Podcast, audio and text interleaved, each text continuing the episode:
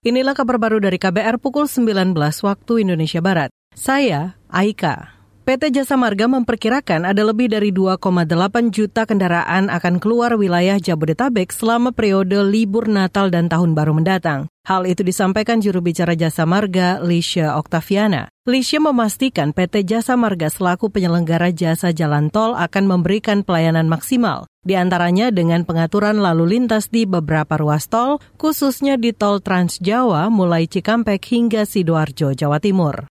Untuk pelayanan preservasi sendiri, kita mengoptimalkan 10 lajur di ruas Jakarta Cikampek, segmen Karawang Barat dan Dawan, lalu juga di ruas Surabaya Gempol, segmen Sidoarjo Porong, nanti menjadi tiga lajur, dan juga ada penambahan kapasitas lajur di ruas Jagorawi di rem E kilometer 7 dan rem TIP kilometer 10.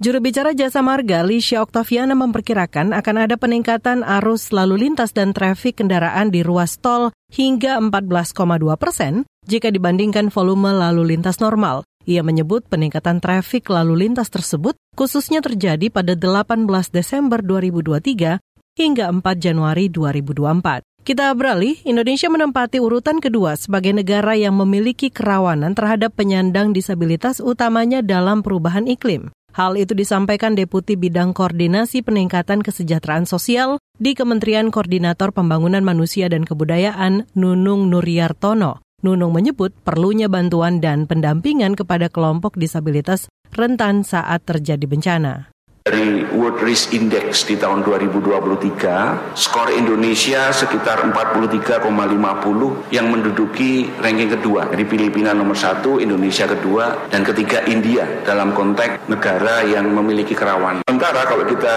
melihat bahwa Dewan Hak Asasi Manusia PBB telah juga mengakui bahwa hak asasi manusia bagi penyandang disabilitas sangat terpengaruh oleh dampak negatif perubahan iklim.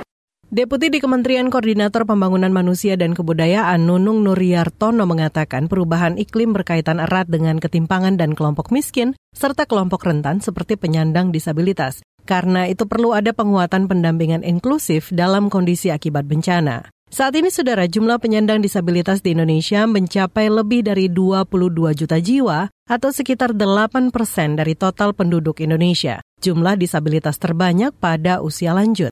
Ke satu informasi lainnya, Saudara, Dinas Kesehatan DKI Jakarta menganggap belum perlu ada pembatasan mobilitas masyarakat meski kasus COVID-19 di Jakarta melonjak. Kepala Seksi Surveillance Epidemiolog dan Imunisasi di Dinkes DKI Jakarta, Ngabila Salama mengatakan masyarakat cukup menjaga protokol kesehatan dan melengkapi vaksinasi.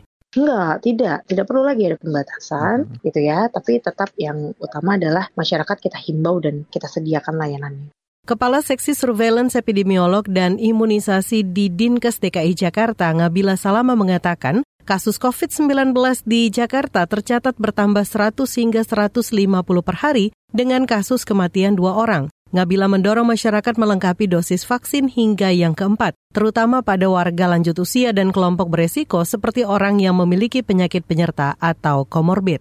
Demikian kabar baru dari KBR. Saya Aika.